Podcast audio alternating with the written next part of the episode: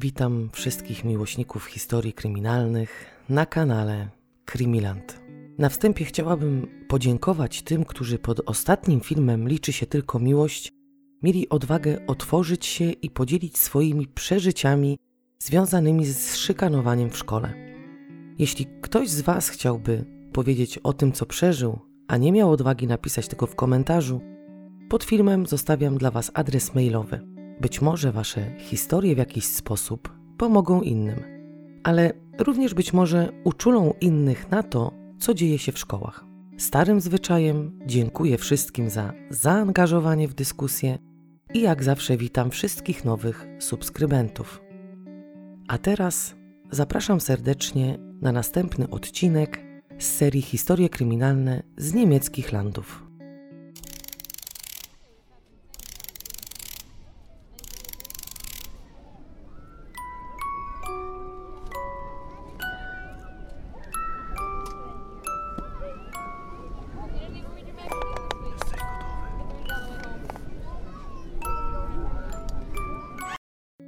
Dziś wybieramy się do Schwalbach am Taunus, do miasteczka liczącego ponad 15 tysięcy mieszkańców. Znajdują się tam cztery szkoły ogólnokształcące, osiem przedszkoli, cztery szkolne hale sportowe, siedem boisk, korty tenisowe, dwa baseny, szkoła muzyczna i baletowa oraz wiele innych. Nie jest to jakoś szczególnie wyróżniające się miasteczko od innych tego typu miejscowości. Społeczność zamieszkująca poszczególne małe osiedla żyje w zgodzie i kiedy tylko zdarza się taka potrzeba, to wspierają się jak mogą. Tak bywa wśród społeczności, które się dość dobrze znają. Pamiętam moje osiedle w Polsce, w sumie dwa. Pierwsze będę wspominała z ogromnym sentymentem, ponieważ pomimo to, że między młodzieżą a dzieciakami były znaczne różnice wiekowe, to wszyscy trzymali się razem, a sąsiedzi byli bardziej serdeczniejsi i bardziej chętni do pomocy. Drugie najpierw znienawidzone przeze mnie osiedle okazało się również moim domem, a wszystkich sąsiadów wspominam również z ogromnym sentymentem. Żyliśmy jak jedna wielka rodzina. Do dziś, pomimo iż młodzi powyjeżdżali, starszy rocznik trzyma się tam nadal razem. Nie mówię tego po to, żeby tutaj siać jakąś propagandę, że w Niemczech jest tak spokojnie, że mieszkają tam sami cudowni ludzie i policja nie ma tu nic do roboty. Nie, bo to jest po prostu zależne. Nie wszędzie w Niemczech jest spokojnie sielsko i anielsko. 10 kilometrów ode mnie jest miasteczko, które ma bardzo złą opinię i policja tam ma pełne ręce roboty. Ogólnie to miasteczko nazywane jest miasteczkiem kryminalnym. Na temat Schwalbach am Taunus nie znalazłam żadnych informacji, które wskazywałyby na to, że to miejsce cieszy się złą sławą. Znalazłam tylko informacje mówiące o tym, że społeczność je zamieszkująca jest spokojna i cieszy się dobrą opinią. Wśród tych wspierających się mieszkańców jednego z osiedli wraz z żoną i córką mieszka Manfred Ziel. Mężczyzna nie urodził się w Szwalbach, ani nie łączył jakichś specjalnych, ckliwych wspomnień z dzieciństwa z tym miejscem. Manfred przyszedł na świat 30 października 1946 roku w Kornberg i tam też dorastał. W wieku 11 lat dostał się do Realschule. Realschule, jak już wspomniałam w odcinku Liczy się tylko miłość, to jest taki odpowiednik polskiego technikum. Jednak nie jest to takie typowe technikum, jakie znamy z Polski. W Polsce młodzież ucząca się w tego typu szkole od samego początku jest ukierunkowana zawodowo. W Realschule przez pierwsze dwa lata trwa nauczanie ogólne bez żadnych kwalifikacji zawodowych. Dopiero po tych dwóch latach pojawiają się profile, które oferują uczniom możliwość wyboru. Dzieci muszą wybrać dany profil ukierunkowujący je zawodowo. Przeważnie są to profile techniczne, ekonomiczne i socjologiczne. To też zależy od landu, w jakim mieści się dana szkoła, albo też od samej szkoły i jej programu nauczania. Manfred wybrał praktyki we frankfurckiej drukarni znajdującej się na Mainzer Landstrasse 184. Drukarnia ta stosowała jeszcze tradycyjne metody drukowania. Uczył się tam na chemigrafa. Dziś powiedzielibyśmy na kogoś takiego jak grafik Ale chemigraf miał trochę inne zadanie niż taki typowy grafik, o jakim myślimy. Manfred uczył się przygotowywania płytek cynkowych, miedzianych czy też magnezowych, z których miały być wytrawiane części, oczywiście te części, które nie miały być drukowane. Końcowym efektem był taki blok drukarski, który był używany w druku wypukłym. Od 1998 roku zawód chemigrafa przestał istnieć, to znaczy zastąpiono go. Teraz mówi się, że jest to projektant mediów cyfrowych i drukowanych. W 1961 roku po skończeniu Realschule i zdobyciu zawodu myślał o maturze. Ale żeby w ogóle dopuszczono go do takiej matury, musiałby odbyć jeszcze dwa lata nauki w gimnazjum. Te dwa lata miały go przygotować do egzaminu dojrzałości. Matury jednak nie zrobił. W latach 60. w Niemczech, tak jak w Polsce, była obowiązkowa służba wojskowa. Co za tym idzie, w 1967 roku powołano Manfreda do wojska. Obowiązkowa służba wojskowa trwała dwa lata, tak jak w Polsce. Mężczyzna służył w Gizn. Po odbyciu służby w wojsku, czyli w 1970 roku, Manfred podjął pracę w swoim zawodzie i w tej samej drukarni, w której odbywał praktyki zawodowe. Rok później zdecydował jednak, że zrobi tą maturę, a co za tym idzie, podjął naukę w wieczorowym gimnazjum. W 1973 ożenił się z kobietą, z którą był w związku od momentu, kiedy poszedł do wojska. Imię żony, jak i córki mężczyzny, która pojawiła się później na świecie, jest nieznane.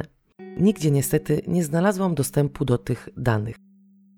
Po zdaniu matury w 1974 roku rozpoczął studia na Uniwersytecie Goethego we Frankfurcie.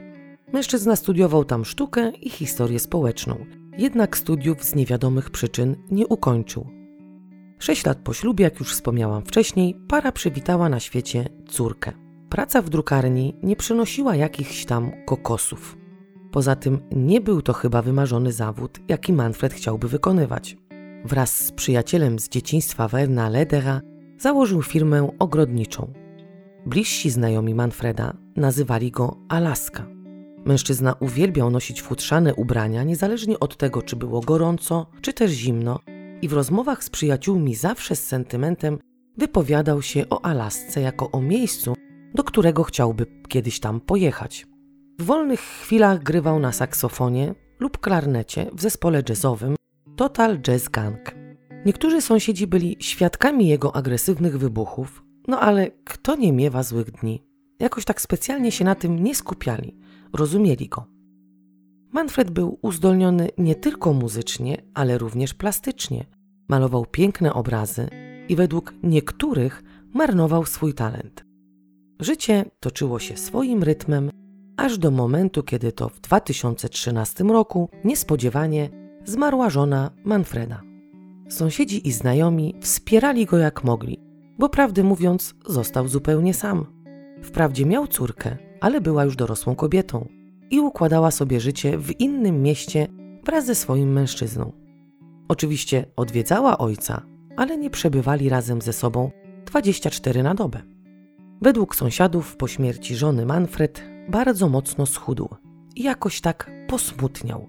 Ale mało kto z nich wówczas wiedział, że kilka miesięcy po pogrzebie pani Ziel u Manfreda zdiagnozowano raka przełyku. Mężczyzna wiedział, że prędzej czy później pożegna się z życiem i dołączy do żony. Także można powiedzieć, że był pogodzony z losem. A do tego jakoś specjalnie nie wierzył w metody leczenia czy też w jakieś cudowne ozdrowienie. Był, jak sam mówił, realistą. To nie tak, że załamał się diagnozą i z góry zakładał, że z, raka, że z raka nie da się wyleczyć. On po prostu wiedział, co działo się z jego przyjacielem z dzieciństwa, z tym, z którym wspólnie prowadził firmę i u którego, krótko przed śmiercią żony Manfreda, również zdiagnozowano raka przełyku. Wiedział, że po otrzymaniu diagnozy i próbach leczenia przyjaciel po kilku miesiącach zmarł. Z tego właśnie powodu Manfred nie widział żadnych większych szans. Sąsiedzi, kiedy dowiedzieli się już, że mężczyzna ma zdiagnozowaną ciężką chorobę, patrzyli na niego z większym współczuciem. Żałowali takiego sympatycznego sąsiada, który był zintegrowany ze społecznością, zawsze chętny do pomocy, uśmiechnięty, otwarty. Nigdy nie zdarzało się tak, że nie zagadał, kiedy mijał któregoś z sąsiadów na ulicy, nie zapytał, co słychać, nie zainteresował się tym, jak tam komuś się wiedzie. Ogólnie uznawany był za wspaniałego sąsiada, jak i dobrego ojca i męża. A takiego miłego i sympatycznego człowieka to po prostu szkoda. Ten żal sąsiadów się podwajał, kiedy ktoś wspomniał o tym, że mężczyzna przecież nie tak dawno stracił ukochaną żonę. Więc ta samotność i ten smutek, który gościł na jego twarzy według niektórych, nie miał dobrego wpływu na Manfreda. A to z pewnością, jak mawiali wówczas sąsiedzi, nie wpłynie dobrze na niego i wspomoże raka do tego, żeby siał spustoszenie w organizmie mężczyzny. Po drugie, sąsiedzi szeptali, że on nie ma już dla kogo żyć, więc się z pewnością szybciej podda. W wieku 67 lat, 9 miesięcy od diagnozy, Manfred w sierpniu 2014 roku, czyli prawie rok po śmierci żony, pożegnał się z życiem. Sąsiedzi tłumnie uczestniczyli w jego ostatniej drodze i pożegnali go z należytymi honorami. Bo jak to tak można by było nie pożegnać tak sympatycznego sąsiada, z którym przez wiele lat dzielili życie w Szwalbach. Tym razem ze współczuciem patrzyli na córkę państwa Zyl. Kobieta w tak krótkim czasie straciła dwie bliskie jej sercu osoby. Społeczność zamieszkująca osiedle zaoferowała się z pomocą i zapewnili, że kiedy tylko będzie jej potrzebowała, może śmiało się do nich zwrócić. Wiadomo, że po pochówku nie każdy zabiera się od razu za porządkowanie życia rodziców, sprawdzanie, czy nie pozostawiali jakichś tam nieskończonych spraw, albo też nie od razu człowiek zabiera się za, za ogarnianie rodzinnego domu, żeby zaraz wsta- wystawić go na sprzedaż. Po drugie, musi minąć 4 lata, żeby można było sprzedać dom, który się odziedziczyło. No chyba, że wcześniej rodzice o tym pomyśleli i przepisali taką nieruchomość na swego potomka. Dlatego też niecały miesiąc po śmierci ojca kobieta postanowiła uporządkować dom i pozamykać, jeśli takie by się oczywiście znalazły, niezamknięte sprawy. Przeglądała papiery, pakowała ubrania rodziców, chcąc je oddać do Caritasu potrzebującym. Z dokumentami szło jej najdłużej. Doskonale wiemy, jak wygląda przeglądanie pism urzędowych, czy też siedzenie w papierach. Przeglądając te dokumenty, znalazła umowę najmu garażu. To akurat było najważniejsze, bo doskonale wiedziała, że Manfred wynajmuje garaż od sąsiada i zdawała sobie sprawę, że powinna zachować okres wypowiedzenia. Zadzwoniła do właściciela garażu i poprosiła mężczyznę, żeby ten poszedł jej na tak zwaną rękę i rozwiązał umowę bez okresu wypowiedzenia. Sąsiad bez problemu zgodził się na to. Zresztą tak się zastanawiam, kto by się nie zgodził w podobnej sytuacji. Chyba ktoś, kto nie miałby po prostu serca. Poza tym Manfred wynajmował garaż od lat. Był najemcą bezproblemowym. Zawsze na czas płacił, nie hałasował, kiedy korzystał z tego garażu, a sam właściciel oznajmił, że gdyby chciał powiedzieć coś złego na Manfreda, to musiałby skłamać. Także nie widział żadnych powodów ku temu, żeby nie pójść na rękę córce najemcy. Po sympatycznej wymianie zdań, sąsiad poprosił o uprzątnięcie garażu. Nie ponaglał, nie mówił, że kobieta ma to zrobić natychmiast. Powiedział, że jak się upora z większymi sprawami, to niech po prostu uprzątnie garaż i odda klucze. Córka Manfreda jednak nie zamierzała czekać. Chciała jak najszybciej pozałatwiać to, co powinna i opuścić dom, który wywoływał tak wiele wspomnień. Poprosiła zatem swojego chłopaka, z którym od jakiegoś czasu wspólnie dzieliła życie, żeby ten zajął się garażem jeśli będzie tam coś, co im się przyda, to ma to zabrać, a resztę niepotrzebnych gratów po prostu wyrzucić. Mężczyzna podjechał autem pod garaż, oczywiście zaparkował praktycznie pod drzwiami, żeby lepiej było mu przenosić rzeczy. Otworzył drzwi, rzucił okiem na to, co znajduje się w środku, i jego uwagę przykuły dwie szczelnie zamknięte beczki, na których widniały naklejki informujące o tym, że w środku znajdują się substancje niebezpieczne. Dla mężczyzny nie było w tym nic dziwnego. Manfred wraz ze swoim przyjacielem, tym, który również zmarł na raka przełyku, prowadził małą firmę ogrodniczą, więc być może te substancje były jakimiś środkami stosowanymi do ochrony roślin. W Niemczech, jeśli ktoś chce kupić środek przeciwko mszycy, nie może sobie podejść od tak do półeczki, wziąć tą flaszeczkę z tym środkiem i włożyć do koszyczka. Musi w pierwszej kolejności wyjaśnić, do czego mu jest to konkretnie potrzebne i poczekać na pracownika, który ma klucze do specjalnej szafki z podobnymi specyfikami. Czyli nie jest tak łatwo zakupić nawet jakiś tam zwykły środek na mszycę. Dlatego chłopak córki Manfreda pomyślał, że niedoszły teść ma w beczkach po prostu właśnie coś do spryskiwania na przykład drzewek owocowych. A że ogólnie są to środki niebezpieczne, dlatego w taki, a nie inny sposób je oznaczył. Po drugie, prowadząc tego typu firmę, musiał zachować środki ostrożności, bo przy jakiejkolwiek kontroli mogliby go słono ukarać. Jeśli rzeczywiście były tam jakieś niebezpieczne substancje, to do ich usunięcia trzeba by było wezwać firmę, która zajęłaby się przewozem takich właśnie substancji. Mężczyzna złapał za jedną z beczek i okazało się, że po pierwsze nie była ciężka, a po drugie nic nie wskazywało na to, że w środku znajduje się jakaś ciecz. Chwycił za telefon i zadzwonił do córki Manfreda, informując ją, że znalazł beczki i czy ona nie wie coś na temat tego, co też jej ojciec mógł w tych beczkach trzymać. I czy rzeczywiście są to jakieś substancje niebezpieczne. Bo jeśli tak, to on nie może tego od tak sobie spakować do auta i wywieźć na wysypisko śmieci. Kobieta odpowiedziała wprost, że ojciec się jej nie zwierzał ani nie tłumaczył z tego, co robi i żeby po prostu te beczki otworzył. Wtedy będą mieli pewność, co tam tak naprawdę jest. Poprosiła jeszcze o to, żeby był ostrożny. Rozłączyła się i dalej przeglądała papiery. Kilka minut później jej telefon ponownie zadzwonił, co ją trochę zirytowało, bo chciała jak najszybciej uporać się z tymi dokumentami. A takie dzwonienie co chwila jakoś jej specjalnie w tym nie pomagało. Dzwoniącym okazał się jej chłopak, który bardzo spokojnie, tak jakby nie chciał jej przestraszyć, czy też wzbudzić w niej jakichś podejrzeń, powiedział, że najlepiej będzie, jak ona podejdzie do tego garażu i dodał, że jej obecność jest jak najbardziej konieczna, bo chodzi tu o te beczki i o ich zawartość. Niechętnie i poirytowana wyszła z domu. Kiedy pojawiła się na miejscu, mężczyzna próbował jej spokojnie i ostrożnie dobierając słowa, wyjaśnić, co znalazł w beczce. Ta, nie mogąc zrozumieć, co on do niej mówi i o czym w ogóle mówi, podeszła do jednej z nich i jej oczom ukazał się makabryczny widok.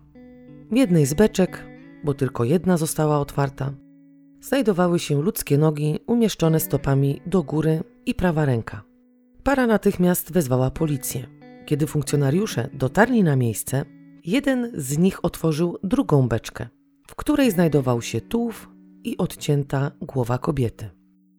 Córka zmarłego, będąca pod wpływem ogromnego szoku, możemy sobie tylko wyobrazić, jak się czuła, nie wierzyła w to, że jej ojciec był w ogóle zdolny do pozbawienia kogoś życia, a już w ogóle, według niej, nie mógłby poćwiartować czyjegoś ciała. Był może czasami agresywny, ale żeby pozbawiać w taki sposób kogoś życia, to jej się po prostu w głowie nie mieściło. Ciągle podczas wstępnego przesłuchania, które odbywało się obok garażu, zaprzeczała, że znalezisko należy do jej ojca że przecież dostęp do garażu miał również wspólnik Manfreda, jak i właściciel tego właśnie garażu. Że z pewnością to któryś z nich podrzucił te beczki, a jej nieświadomy ojciec po prostu je przechowywał. Na miejsce wezwano techników, lekarza sądowego, prokuratora i rozpoczęto przeszukanie miejsca znalezienia zwłok. Śledczy w tym czasie również wstępnie przepytali stojących gapiów o to, czy nigdy nie zauważyli niczego podejrzanego. Sąsiedzi ogólnie nie mogli uwierzyć, że taki miły człowiek, uzdolniony muzycznie i plastycznie, rodzinny, mógł dokonać czegoś tak strasznego i również w większości stwierdzili, że z pewnością ktoś mu te zwłoki bez, bezszczelnie podrzucił.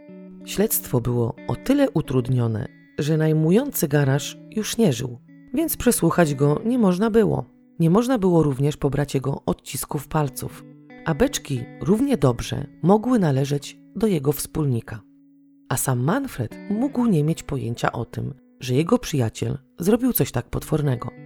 Ciało znajdujące się w beczkach było w dość znacznie posuniętym stanie rozkładu, a to, że było poćwiartowane, nie znaczyło, że części ciała należały do jednej i tej samej osoby. W związku z tym pracujący na miejscu specjaliści nie mogli jednoznacznie stwierdzić, czy wszystkie części tego ciała należą do mężczyzny czy też do kobiety. Rozpoczęto śledztwo. Na przesłuchanie doprowadzono właściciela garażu wraz z żoną. Funkcjonariusze nie oszukiwali go ani jego połowicy, że są w kręgu głównych podejrzanych, więc jeśli coś wiedzą, to mają tego nie ukrywać. Mężczyzna wyjaśnił, że Manfred od wielu długich lat wynajmował u niego garaż do celów przechowywania sprzętów ogrodniczych. Że tak naprawdę nigdy do tego garażu nie zaglądał, bo po prostu nie było nigdy takiej potrzeby. A po drugie, nie mógł od tak sobie tam wchodzić i wychodzić. Poza tym ufał Manfredowi, byli dobrymi sąsiadami i nigdy nie podejrzewałby go o to, że mógłby kogoś pozbawić życia. Przesłuchanie nie skończyło się po godzinie. Maglowali właściciela garażu i jego żonę.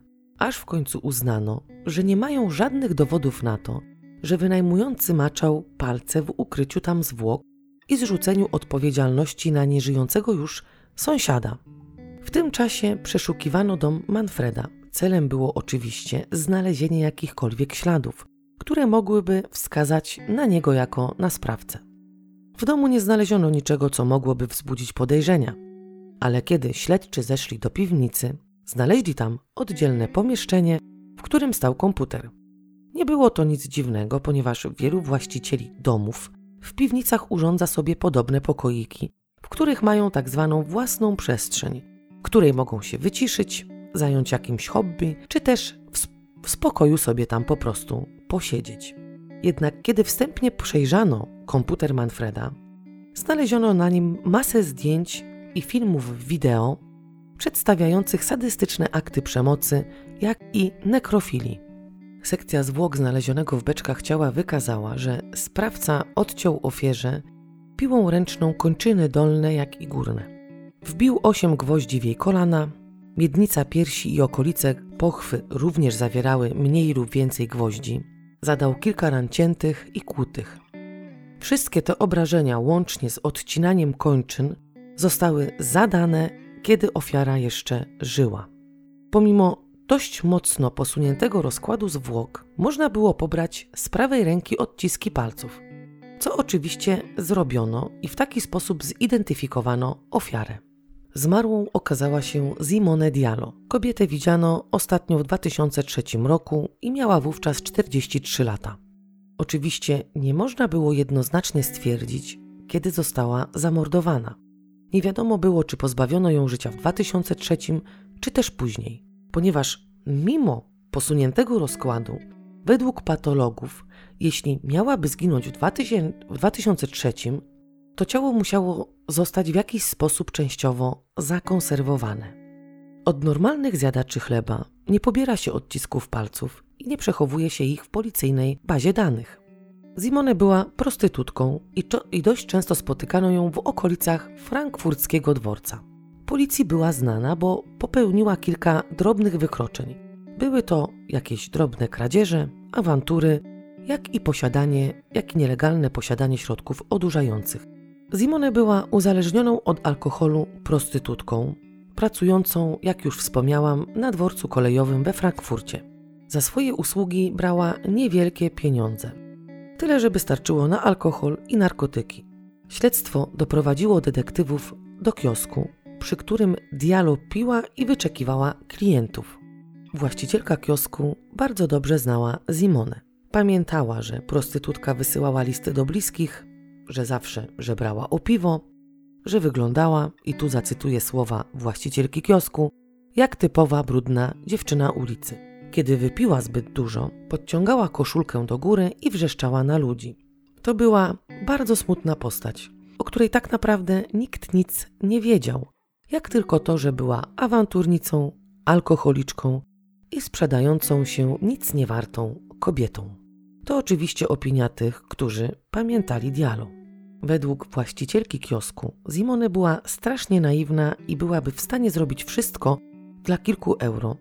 Często opowiadała właśnie tej właścicielce kiosku, na jaką przemoc i upokorzenia się godzi. Oczywiście godzi się po to, żeby przetrwać dzień. Inna prostytutka, która pracowała w tym samym rejonie co Dialo, zeznała śledczym, że Manfred regularnie korzystał z usług ofiary. Od początku lat 90. był stałym klientem u ulicznych prostytutek. Przyjeżdżał głównie w soboty, późnym wieczorem. Prostytutka mówiła jeszcze, że była przekonana, że Manfred ze względu na swój wygląd jest pastorem. Raz z nim pojechała. Strasznie ją wtedy maltretował, jak sama mówiła, w jego oczach widziała nienawiść, a kiedy było już po wszystkim, zadzwoniła na infolinię, która była takim projektem street workingu i doradztwa dla prostytutek. Dzwoniąc tam, chciała po prostu się wyżalić, jak i poinformować dyżurujących przy telefonach wolontariuszy, żeby ostrzegli wszystkie inne dziewczyny, które mogłyby trafić na tego sadystę. Opisała Manfreda bardzo szczegółowo, jak i dość obrazowo opisała to, co jej robił i jak ją maltretował. Później spotkała go raz jeszcze na koncercie jazzowym w Sachsenhausen, gdzie Manfred wraz ze swoim zespołem dawał mały koncert. Po tym incydencie mężczyzna wśród prostytutek był znany jako stały klient Dialo, bo tylko ona tak naprawdę godziła się na te chore fantazje swojego klienta. Kiedy zniknęła, Manfred uprzątnął nawet jej mieszkanie. Nikt nie zgłosił zaginięcia kobiety, bo nikt tak naprawdę za nią nie tęsknił, ani nie interesował się tym, gdzie mogłaby przebywać. Równie dobrze mogła rozpocząć gdzieś tam zupełnie nowe życie, być na odwyku albo siedzieć w więzieniu. Jednak jej zniknięcie nie było aż tak istotne dla innych. Nie ma jej, to nie ma i tyle.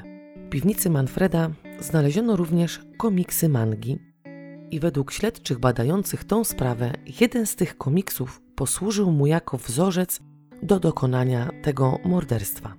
Po częściowym zbadaniu komputera śledczy odkryli w nim prawie 5 terabajtów danych, w tym co najmniej 30 tysięcy zdjęć i tysiące filmów wideo przedstawiające sadystyczne akty przemocy, jak już wspomniałam, nekrofilii.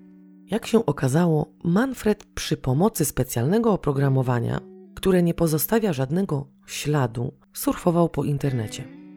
Podejrzewano, że odwiedzał portale, na których ludzie z podobnymi skłonnościami wymieniali się fotkami, doświadczeniami czy też filmami. Oczywiście śledczy nie znaleźli śladu stron, jakie Manfred odwiedzał, ani użytkowników, z jakimi się kontaktował. Ich podejrzenia o surfowaniu w Darknet powstały po znalezieniu w jego komputerze specjalnego oprogramowania. Jak już nam wszystkim wiadomo, w takich sytuacjach w Niemczech zwoływana jest specjalna komisja SOKO. W tym przypadku również ją zwołano, nadając jej pseudonim Alaska.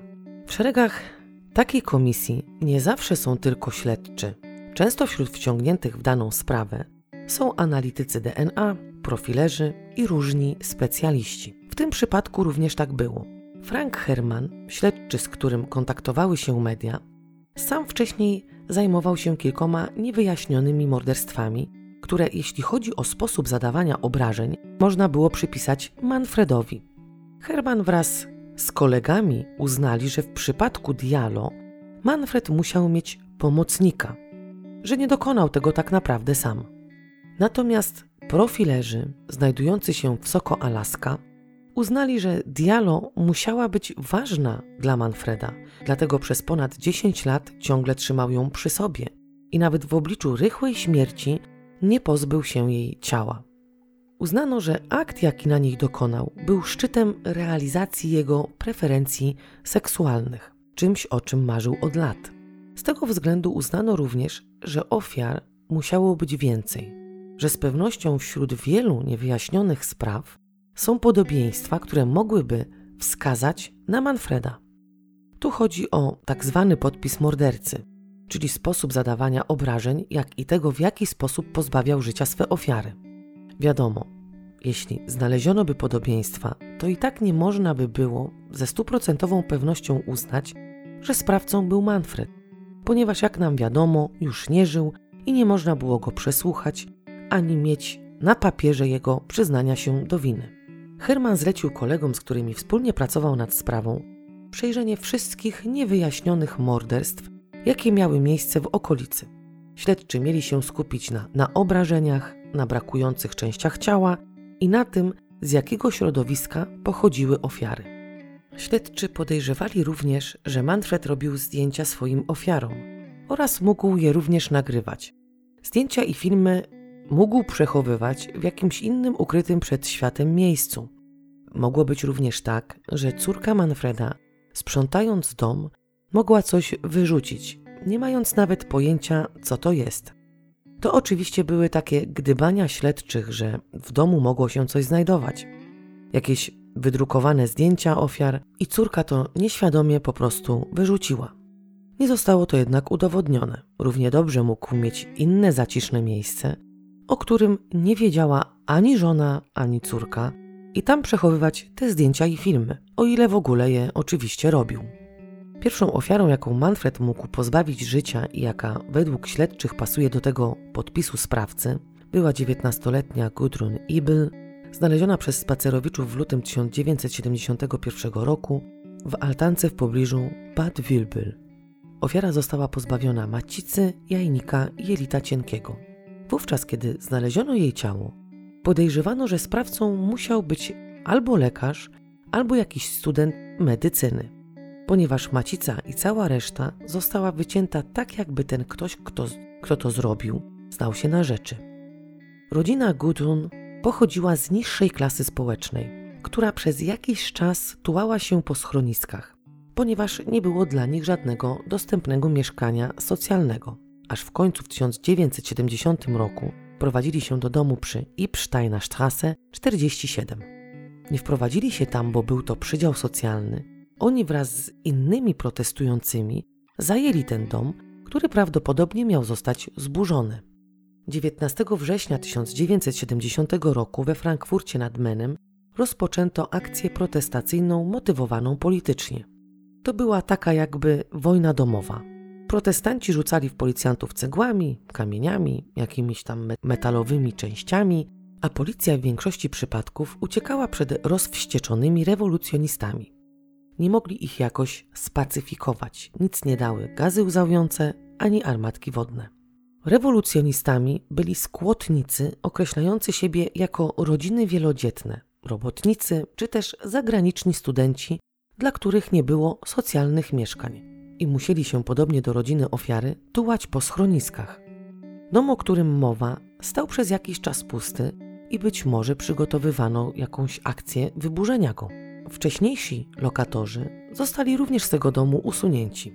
Herman odwiedził siostrę Gun, chcąc poinformować ją, jaki jest najnowszy przebieg śledztwa po tylu latach. Chciał jej osobiście powiedzieć, że prawdopodobnie znaleziono sprawcę, który już oczywiście nie żyje.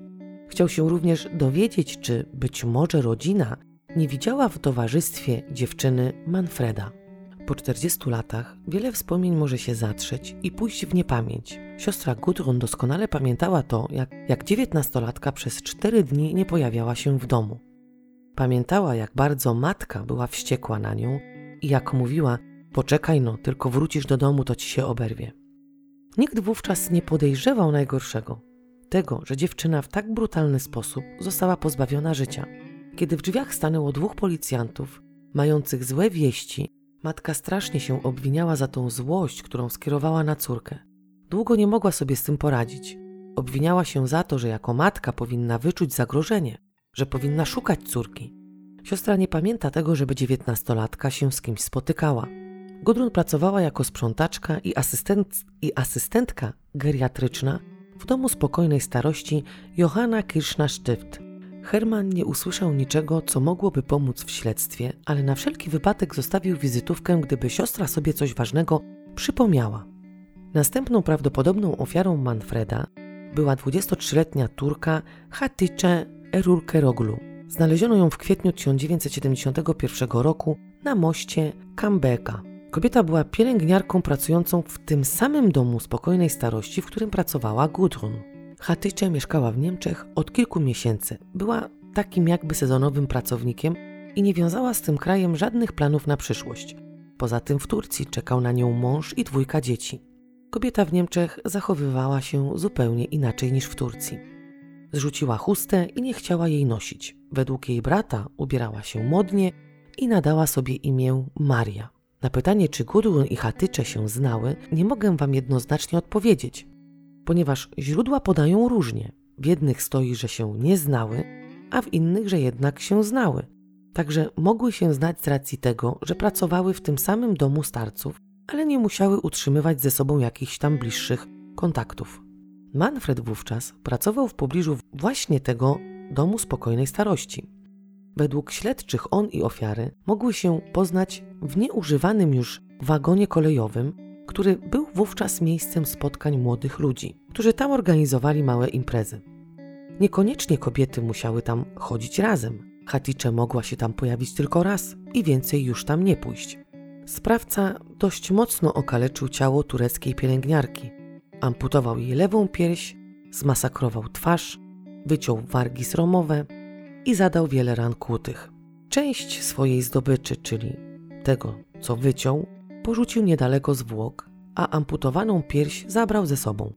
Trzecią prawdopodobną ofiarą ogrodnika, według śledczych, jest 36-letnia Gizela Zink. Jej ciało znaleźli grzybiarze 30 czerwca 1991 roku. Kobieta była uzależnioną od heroiny, bezdomną i zarażoną wirusem HIV prostytutką. Pracowała na Westenstrasse we Frankfurcie. Rodzina Gizeli była dobrze sytuowana i nie było tam żadnych problemów z nałogami, agresją czy też jakimś znęcaniem się psychicznym. Czyli można śmiało powiedzieć, że pochodziła z dobrego domu. Rodziców mieszkających w Wiesbaden odwiedzała regularnie. Przez 16 lat swojej pracy na ulicy Gizela nie, używa, nie używała prezerwatyw ani nie zachowywała środków ostrożności. Była po prostu uzależniona i zdobycie pieniędzy na działkę było jej największym celem, więc nie myślała o jakichś tam zabezpieczeniach. Zink miała córkę, która w wieku dwóch lat została jej odebrana i oddana pod opiekę rodziny zastępczej. Kobieta była ostatni raz widziana 14 czerwca 1991 roku w ośrodku poradnictwa narkotykowego przy Moselstrasse we Frankfurcie. Kilka tygodni wcześniej przeszła leczenie odwykowe i chciała zacząć żyć inaczej. Jednak po jakimś czasie ponownie zaczęto widywać ją na ulicy. Przed podjęciem leczenia regularnie była odwożona karetką do kliniki z powodu bardzo silnego odurzenia narkotykami. Kilka razy uratowano jej życie, bo dawka, jaką sobie sama podała, prawie jej nie zabiła. Tylko dzięki szybkiej reakcji kilka razy właśnie uratowano jej życie. Podejrzewano, że w taki sposób chciała zakończyć swój żywot, tym bardziej, że AIDS był już w bardzo ostrej fazie. Tym bardziej, że pod koniec jej życia, jeśli mogę tak powiedzieć, AIDS był już w bardzo ostrej fazie. Myślę, że warunki i środowisko, w jakim obracała się Gizela, nie sprzyjały temu, żeby mogła utrzymać się w postanowieniu, że nie będzie już zażywała narkotyków. Według jej koleżanki spotykała się z dziwnymi typami i była gotowa pójść z każdym klientem, jak i zgodzić się na wszystko tylko po to, żeby móc kupić heroinę. Początkowo jako sprawcę podejrzewano stałego klienta kobiety, jednak po, po latach w trakcie prowadzenia śledztwa przez Soko Alaska okazało się, że Manfred również był jej klientem.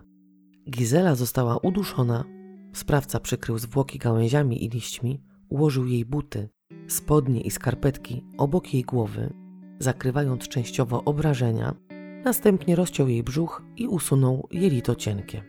Dwa lata później, w grudniu 1993 roku, na Friedberger Strasse, w worku na śmieci znaleziono tors 32-letniej Dominique Monros. Według sekcji zwłok sprawca musiał jej tors przetrzymywać w zamrażarce przez około 5 dni.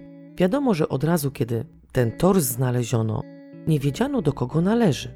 Dopiero później, kiedy zostały znalezione inne części jej ciała, zidentyfikowano ofiarę. Ona również była uzależnioną od narkotyków i zarażoną wirusem HIV prostytutką. Była w konflikcie z innymi prostytutkami, ponieważ za swoje usługi brała dużo mniej niż inne kobiety. Dlatego klienci nie bardzo chcieli płacić więcej i często między prostytutkami a klientami dochodziło do kłótni. Dominik mieszkała ze starszym od siebie mężczyzną, który jako jedyny przejął się jej zaginięciem i zgłosił to na policję. Kiedy zaginęła, była na programie metadionowym, który miał jej zastąpić heroinę, czyli był to taki jakby odwyk. Inne części jej ciała znaleziono w 1994 roku przy autostradzie w pobliżu lotniska. Kończyny zostały profesjonalnie odcięte, ale głowy nigdy nie znaleziono. W lipcu 1996 roku w jednym z ogródków działkowych w okolicach Sachsenhausen znaleziono odciętą głowę kobiety, którą zidentyfikowano jako pracownicę banku. Kobieta miała problemy psychiczne, prawdopodobnie leczyła się na schizofrenię. Reszty ciała nie odnaleziono. Według śledczych kobieta również mogła być ofiarą Manf Manfreda. Dwa lata później, również w lipcu 1998 roku, zostało zgłoszone zaginięcie 18-letniej Julii Anny Schröda. Kobieta była prostytutką i pracowała na dworcu kolejowym. W chwili zaginięcia była w bardzo złym stanie zdrowia. Kobiety ani jej ciała nie odnaleziono, ale śledczy pracujący w Soko Alaska podejrzewają, że ona mogła również stać się ofiarą Manfreda. We wrześniu 1999 roku zaginęła 32-letnia Gabriele de Haas, również prostytutka uzależniona od narkotyków, jak i spotykająca się z klientami, którzy mieli podobne skłonności do bohatera dzisiejszej historii. W tym przypadku podejrzenie również padło na Manfreda, pomimo iż nie odnaleziono ani tej kobiety, ani jej ciała. 20 kwietnia 2004 roku w zaporze wodnej znaleziono czaszkę owiniętą w folię aluminiową. Dzięki kryminalistycznym metodom rekonstrukcji udało się odtworzyć twarz i okazało się, że głowa należy do kobiety. Również udało się podać w przybliżeniu wiek i cechy szczególne. Kobieta miała między 40 a 50 lat, mogła seplenić z powodu dość sporych ubytków w uzębieniu, z tego powodu mogła mieć również zapadniętą górną wargę. Według śledczych złamany nos mógł być charakterystyczny i właśnie po tym nosie ci, którzy znali denatkę, mogliby ją rozpoznać, ale niestety do dzisiaj nie zidentyfikowano. W tym przypadku również istnieje podejrzenie, że to właśnie Manfred mógł mieć związek z jej śmiercią. Ostatnią ofiarą Manfreda według śledczych była Diallo, choć niekoniecznie tak musiało być, bo przez 10 lat mógł dokonać jeszcze kilku lub kilkunastu morderstw. Ale nie trafiono na nic, co mogłoby łączyć ofiary właśnie z nim. Prawdę mówiąc, nie ma żadnych jasnych dowodów na to, że wszystkie te wymienione kobiety zostały przez niego zamordowane, ale łączy je wiele. Ofiary przeważnie zanim zmarły były torturowane, a następnie duszone. W każdym ciele tych ofiar, które zostały znalezione, brakowało albo głowy, albo ręki, nogi, czy też jakichś narządów, tak jakby Manfred tworzył dzieło życia, czyli nową kobietę. W tym przypadku kanibalizm nie jest również wykluczony. Śledczy zastanawiają się nad udziałem wspólnika głównego sprawcy. Byli przyjaciółmi z dzieciństwa, wspólnie prowadzili firmę, a Werna mógł podzielić upodobania swego przyjaciela, albo mógł być jego powiernikiem i najzwyczajniej w świecie dochował tajemnicy aż po grób. Manfred prowadząc tą firmę ogrodniczą miał rzec można wspaniałe zaplecze do ukrycia zwłok, czy też części ciała, które powycinał i których nie skonsumował. O ile w ogóle konsumował. Być może u kogoś w ogródku, pod ziemią, czy też pod jakimś drzewem leży jedna z zaginionych kobiet. Nie wiadomo, bo Prawdę mówiąc, do dziś nie jest pewne, czy to właśnie on dokonał tych wszystkich morderstw. W odcinku Tajemnica kanału Lidabach wspomniałam Wam o Manfredzie i podejrzeniu, że to on mógł zamordować Trystana. Chłopcu również wycięto tkankę mięśniową i genitalia. A z tego powodu, że buty chłopca zostały ułożone na miejscach, z których wycięto tkankę mięśniową, częściowo oczywiście zakrywając obrażenia, jak i dlatego, że chłopcu również wycięto genitalia, Śledczy zauważyli podobieństwo ułożenia butów, kiedy znaleziono Gizelę Zink. Buty Trystana, jak i Gizeli były ułożone parami według określonego wzoru. Śledczy porównywali obrażenia, jak i środowisko, w jakim się obracały ofiary i uznali, że Manfred również musiał mieć dużo wspólnego z morderstwem trzynastolatka. W sprawie Trystana również podejrzewano, że sprawca musiał mieć pomocnika, że nie działał sam. Jednak na obecność kogoś innego nie znaleziono dowodów. Jak już wspomniałam w odcinku mówiącym o Trystanie, na jednym z zeszytów szkolnych sprawca zostawił krwawy odcisk palca. Więc, żeby móc potwierdzić podejrzenia albo je wykluczyć, śledczy wykombinowali, że pobiorą odciski palców z klarnetu, jak i saksofonu, na którym grał utalentowany mieszkaniec Szwalbach. To jednak nie przyniosło żadnego rezultatu. W związku z tym postanowiono w 2016 roku ekshumować ciało Manfreda i spróbować pobrać odciski palców. Ku zdziwieniu prawie wszystkich udało się pobrać odciski sześć palców podejrzanego. Jednak porównując je z odciskiem pozostawionym na zeszycie chłopca, okazało się, że krwawy odcisk nie należy do Manfreda. Ale nie jest tak do końca powiedziane, że on sam nie brał w tym udziału. Po tym, co tutaj przedstawiłam, upodobania Man skierowane były na kobiety prostytuujące się. Nie znaleziono żadnej ofiary, która mogłaby być dzieckiem czy nastolatkiem. Trystan również obracał się w nieciekawym środowisku. Być może miał jakiś epizod z pozowaniem do zdjęć pedofilom, być może nawet z jednym z nich utrzymywał kontakt, ale nie ma żadnej wzmianki o tym, że istnieje nawet najmniejsze podejrzenie, że chłopiec się prostytuował.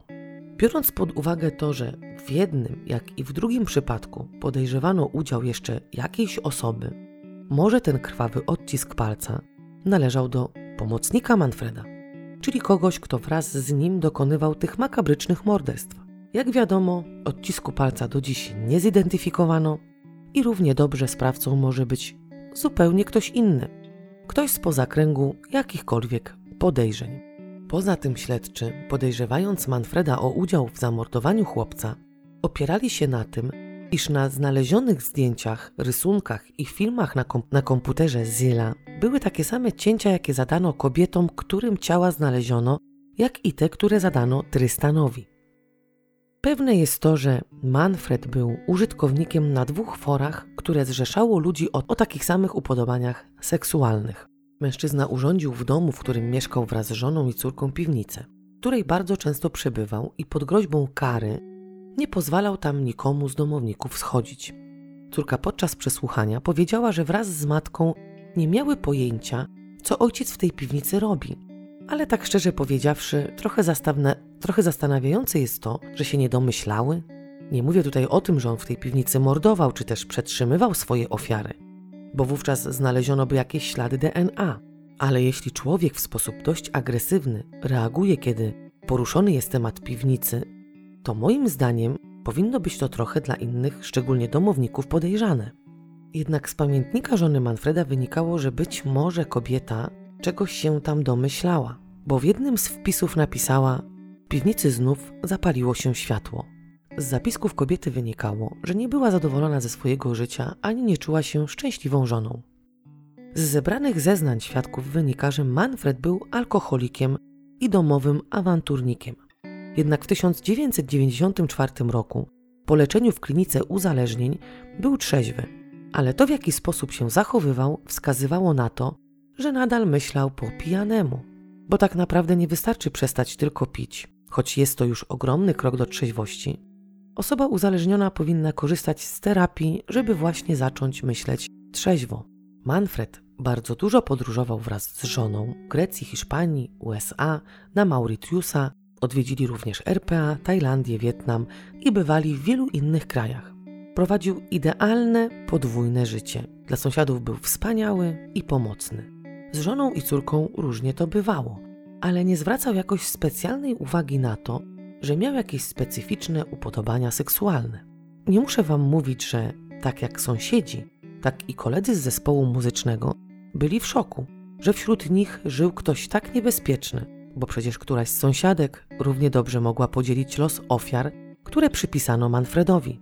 Śledczy pracujący w Soko Alaska ciągle zastanawiają się nad tym, co mogło się stać ze zdjęciami ofiar, które Manfred najprawdopodobniej robił swoim ofiarom piwnicy znaleziono również maszynę do wywoływania zdjęć, ale nie znaleziono żadnych takich, które za pomocą tej maszyny wywoływał. Oczywiście albumy rodzinne zostały również pod tym kątem przebadane. Istnieje podejrzenie, że Manfred próbował zatrzeć przed śmiercią jakieś ślady. Jednak nie zdążył pozbyć się ciała Dialo, albo może po prostu nie chciał tego zrobić.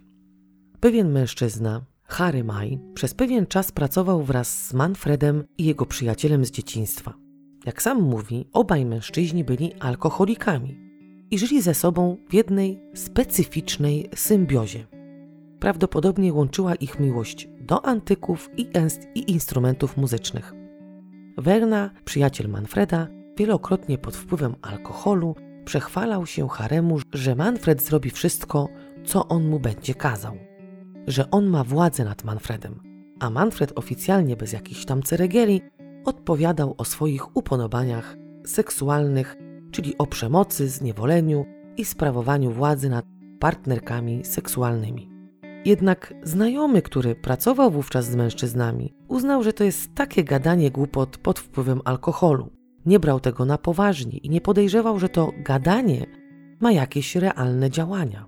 Frank Herman, pracujący w Soko Alaska, opowiadał o tym, że zawsze w jakiś tam sposób śledczy próbują wczuć się w sprawcę, czyli próbują myśleć tak jak on. Jednak według Hermana, jeśli nie ma się podobnych upodobań, takie wczucie się nie jest po prostu łatwe.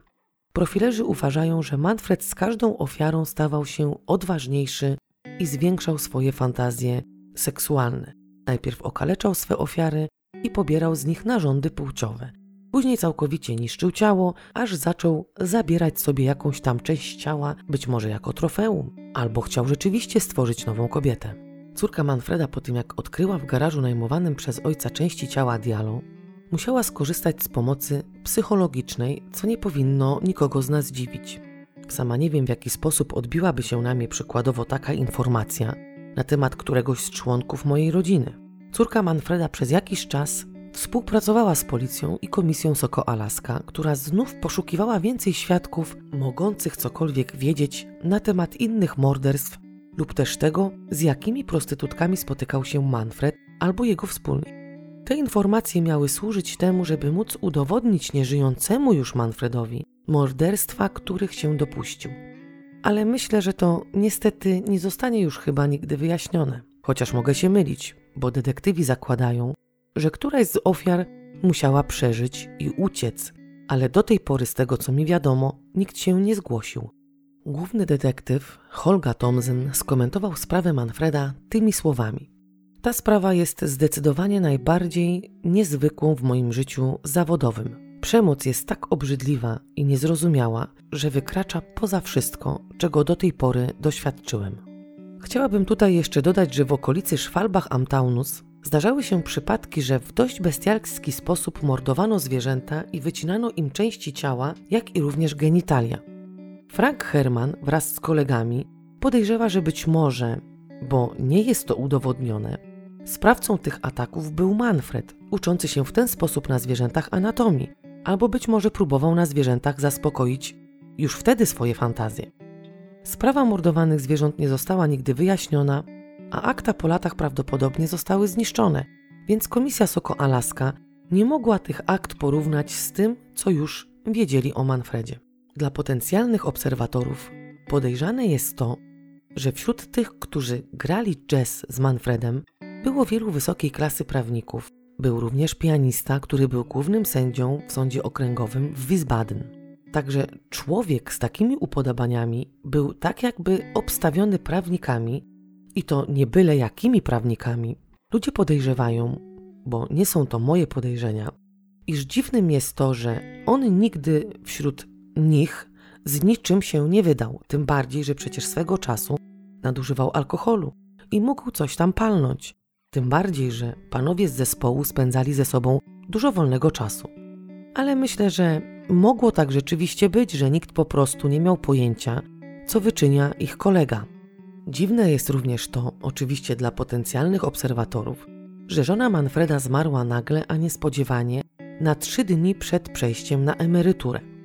Żona nagle poczuła się nieswoją, ale nie była przewlekle chora. Musiała spędzić noc w szpitalu i została wypisana bez żadnych przełomowych ustaleń. Następnego dnia zmarła. Na udar, zawał serca, nie wiadomo. Oczywiście mogło tak być, że mogła dostać zawału, czy też mógł to być udar. Przecież niekoniecznie rodzina musi się tłumaczyć z tego, jaka była przyczyna śmierci żony Manfreda. Ale co jeszcze jest dla obserwatorów dziwne, to właśnie to, że córka powiedziała raz, że dobrze, że matka tego nie widzi, bo nie zniosłaby prawdy o jej mężu.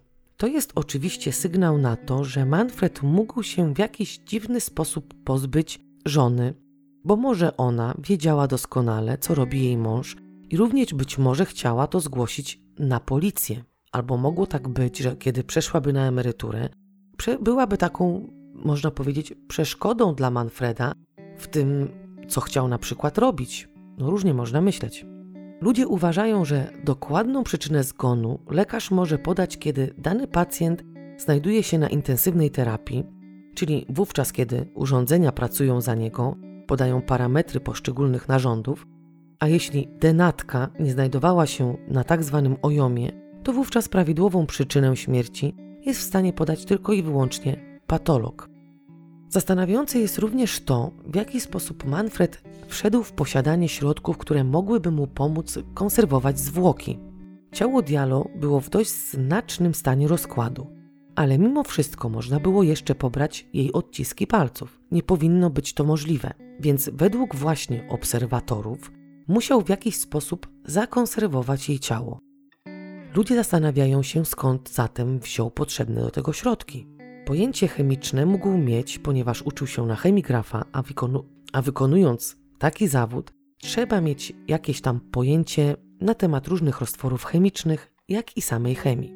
Po drugie, według śledczych surfował przecież po stronach przeznaczonych dla sadomasochistów, wśród których z pewnością są i ludzie, którzy wiedzą z racji wykonywanych zawodów, bo nie oszukujmy się, wśród nich mogą być na przykład lekarze, patolodzy i jacyś właśnie też chemicy, wiedzą w jaki sposób zakonserwować zwłoki, no ale w Niemczech takie środki są tylko i wyłącznie dostępne dla odpowiednich instytutów. Oczywiście do zakupu tego typu chemikaliów potrzebny jest chemiczny dokument referencyjny, który musi być ostemplowany przez dany instytut. Ale prawdopodobnie w Darknet krążą instrukcje, jak i są tam odpowiednie kanały, które mogą dostarczyć prawdopodobnie zakazane chemikalia. Poza tym śledczy nie podali do wiadomości publicznej, czy w owych beczkach znajdowało się coś jeszcze oprócz ciała. Co do kwestii wspólnika, o którym dość dużo się dyskutuje, jeśli chodzi o sprawę Manfreda, to również dla obserwatorów jest dziwne to, że panowie praktycznie w tym samym czasie zachorowali na raka przełyku, który jest dość rzadkim rakiem i najczęściej powoduje go dość częste spożywanie wysokoprocentowego alkoholu, co oczywiście nie jest jednoznaczne z tym, że każdy nadużywający alkoholu będzie miał raka przełyku. A tutaj dotyczy to dwóch przyjaciół, którzy zachorowali w tym samym czasie na ten sam typ raka. Po drugie, ludzi zastanawia to, że, że skupiono się na samym Manfredzie, a jego przyjaciela Werna tak jakby omijano. Ale kiedy Dialo została zamordowana, według śledczych nastąpiło to zaraz po jej zaginięciu. Oczywiście nie musi być to rzeczywisty czas, bo równie dobrze, mogło, równie dobrze mogła zginąć dużo później. To wspólnik Manfreda w tym akurat czasie miał alibi. Mężczyzna był prawdopodobnie na urlopie, ale tak jak już wspomniałam, czasu zgonu Dialo nie można było już dokładnie ustalić. To by było na tyle, jeśli chodzi o dzisiejszą historię. Jestem ciekawa, co myślicie o tej sprawie. Jak zawsze życzę Wam wszystkiego dobrego i do usłyszenia wkrótce.